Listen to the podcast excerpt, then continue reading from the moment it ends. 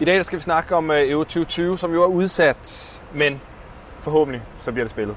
Og øh, det er som en ny træner jo, det skulle have været Uke Harreide, det bliver det ikke, det bliver Kasper Julemand. Og det giver anledning til at kigge lidt frem, synes jeg. Tage sporkuglen op, dykke hovedet ned i den og sige, hvad er det så for 11 spillere, der kommer til at starte, når vi møder Finland i den første kamp VM 2020 i 2021. Til det har jeg, øh, vil sige, de ypperste eksperter på, øh, på fodbold omkring landsholdet, Jonas Hebo og Francis Dickow. I skal hjælpe mig øh, med at sætte den perfekte startelver, eller det vil sige, at jeg har bedt jer om at sætte en hver. Og så, øh, så ser vi, om vi, øh, hvad, vi, hvad vi rammer i sidste ende. Kan I ikke lige, øh, da I får den her opgave, øh, hvad er det første, I sådan, hvad tænker, hvad skal man ind og kigge på? Jamen, jeg ville da ønske, at jeg havde set Kasper Juhlmanns trup på forhånd, inden jeg skulle tage de 11, men der var specifikt to pladser, som jeg var meget i tvivl om, og det var de to, den ene af de to kantpositioner, og så måske øh, den højre, og, og nok også den venstre bak. Så to tre pladser, hvor jeg var ret meget i tvivl, og de andre, hvor jeg synes, det var mere lige til. Altså for mig var det det sværeste, det var faktisk at finde information, som jeg troede, ja. han ville gå med. Mm. Øh, og det vil jo selvfølgelig ændre navnene, men, men jeg har gået med en firebakkæde, og så synes jeg faktisk, at navnene giver sig selv, håber jeg, ja. når vi kommer til den tid. Men, øh, men lad os starte øh, egentlig med dig, Hebro. Du står først på, på holdkortet der.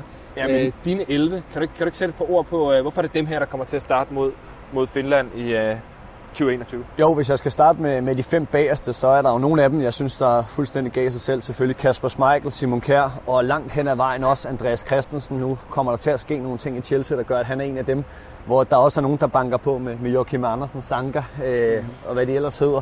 Så øh, Jens Strøge Larsen har haft en fantastisk landsholdskarriere i løbet af de sidste to-tre år. Jeg tror, han bliver ved med at holde sit stabile niveau i Udinese, hvis han ikke måske endda også tager et skridt op.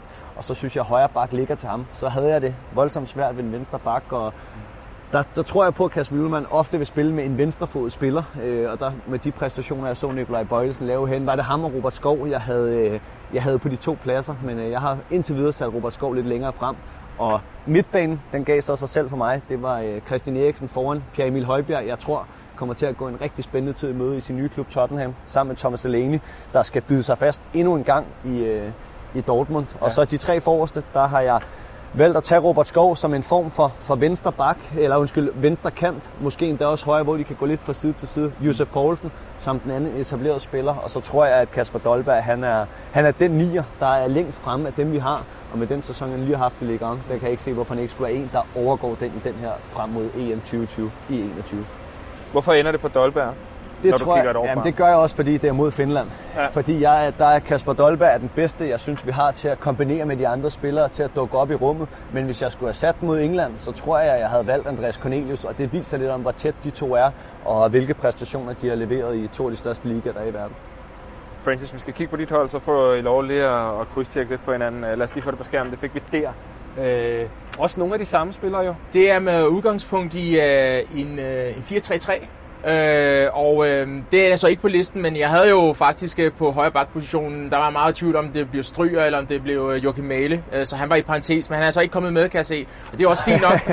øh, Stryger har en... Øh, du sagde ham jo i parentes, ja, så var det er rigtigt. Anvalget. Ja, eller hvad? Øh, det var mest fordi, jeg var lidt i tvivl. Men ja. øh, i sidste ende, så går jeg faktisk med den her, den kan jeg godt stå indenfor. Øh, Stryger har den her vanvittige landsholdsrekord, og han, øh, han er faktisk moden til et, et, en bedre klub i Serie A, øh, hvis han ellers vil blive i, øh, i Italien, øh, end Udinese egentlig er. Så, så godt har han gjort det, øh, og han betyder meget. Han skal over på højre bakken. Robert Skov kan man se, øh, ham har jeg også sat som venstre bak. Øh, det er hans fremtidige position, er jeg ret sikker på. Øh, øh, både i hans tyske klub, men også, øh, men også på det danske landshold, forestiller jeg mig, at, at det kan være den. Jeg kan godt forstå øh, Nikolaj Bøjlesen. Det er en, jeg, jeg er meget begejstret for selv. Mm. Øh, bare lige for at krydstjekke allerede nu. meget begejstret for selv, men jeg tror, at han er simpelthen for skadespredet, så jeg, jeg tror ikke, at han er, han er førstevalg, når, når vi kommer et år frem. Øh, og så tag lige om Dolberg. Altså for mig er han den angriber, der har den største upside.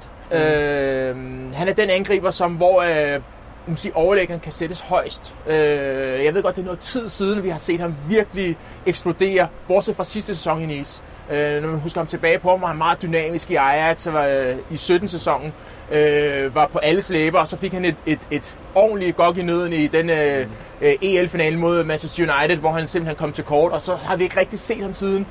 Nu så vi ham så i sidste sæson for Nice, overspiller der, øh, og jeg tror, at Patrick Vieira er en helt rigtig træner for ham. Øh, han, er, han er på vej frem, så ham glæder mig meget til at se på, på sigt øh, på det danske landshold. Hvad, når jeg kigger ned, så er I meget enige om, øh, om den centrale midt, det bliver ikke skiftet sådan umiddelbart i forhold til, hvordan det også har været under Åke, og det, det, det, det er sådan en fast, fast stamme der, virker det til. Er der ikke nogen, der byder sig på dernede? Hvad med Mathias Jensen? Det, det er et julemandkane, ikke? Nørgaard, de her Brentford-danskere, eller... Jeg vil heller ikke udelukke Lasse Schøne endnu. Altså, Lasse Schøne er, er jo en spiller, der har spillet fast i en kaotisk sæson nede i Genoa, øh, efter også han havde en fantastisk tid, måske endda endnu mere fantastisk, end hvad Dolberg havde i Ajax.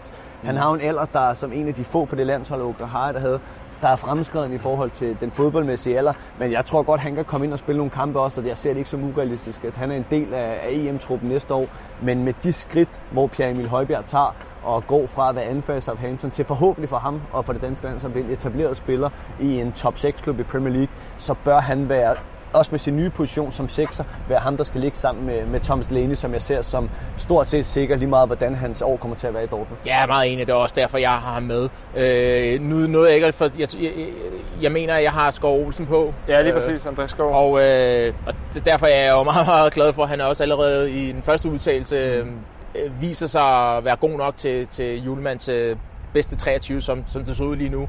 Øh, og jeg tror, at det her, det her ophold, som han får fra nu af indtil at den her skæringsdato er på en, på en landsholdstrup til, til EM, der er det altså vigtigt, at han får noget spilletid, og der er en træner, der tror på ham. Øh, og om det så er i Bologna, eller om det kan være et andet sted, han er jo rygtet videre. Mm. Øh, det er et kæmpe, kæmpe stort talent. Øh, det har vi set øh, både i Superliga, men det har vi altså også set, når han spiller på, på, på, på U21-landsholdet, som sagt. Og også lidt i, i sag at man kan se, hvad han gerne vil, men han er tynget fra selvtillid. Altså, det, det, det er selvtilliden, der mangler øh, mm. på sigt. Så, um, så er der så meget x-faktor i ham, øh, og et venstreben, som øh, jamen, så stadig får mig til at tænke på Ejn Robben, når jeg, og, når jeg kigger på Og den selvtillid, den kan, den kan Kasper Jugelmann godt give, men jeg synes også, når vi kigger på Francis som mit hold, at der, der er jo noget besynderligt ved, at vi har en dansk FC Barcelona-spiller, der ikke er en af dem. Øh, mm. Det har måske også noget med kampen at gøre, i forhold til, skulle vi være, var det Belgien eller England, vi skulle have mødt i den første kamp, der kan vi meget vel få brug for Braithwaite's fart. Vi ved godt, det var specielle omstændigheder, der gjorde han ind i Barcelona med et skævt transfermarked osv. osv.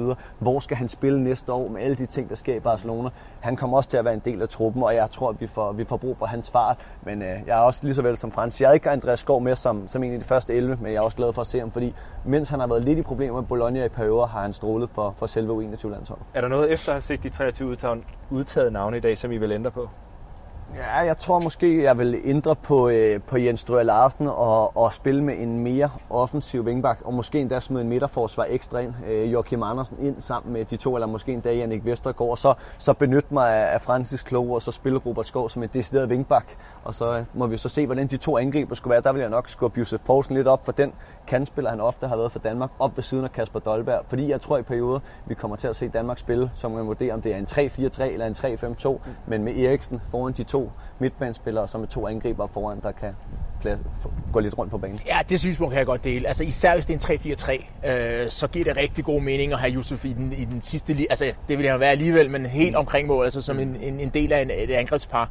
Øh, det vil give rigtig, rigtig fin mening. Øh, men igen, det er jo, det er jo nu, nu kalder vi os selv øh, fodboldeksperter, men det er, sådan, det er sådan på trænerniveau i forhold til, hvordan øh, læser man Finland. Øh, mm. der er ikke helt inde i Finland, øh, hvad, hvad, hvad går man med formation? For det betyder alligevel noget i forhold til nogle af de positioner, spillerne lander i, øh, når det rigtig skal gå ondt på en modstander. Øh, så det må vi se til den tid. Men, øh, men der er nogle muligheder, fordi at øh, vi har så mange spillere, der har både individuelle klasse, men også bare er så kollektivt stærkt øh, funderet, at øh, de, de kan ligesom, øh, de kan ligesom dække det hele.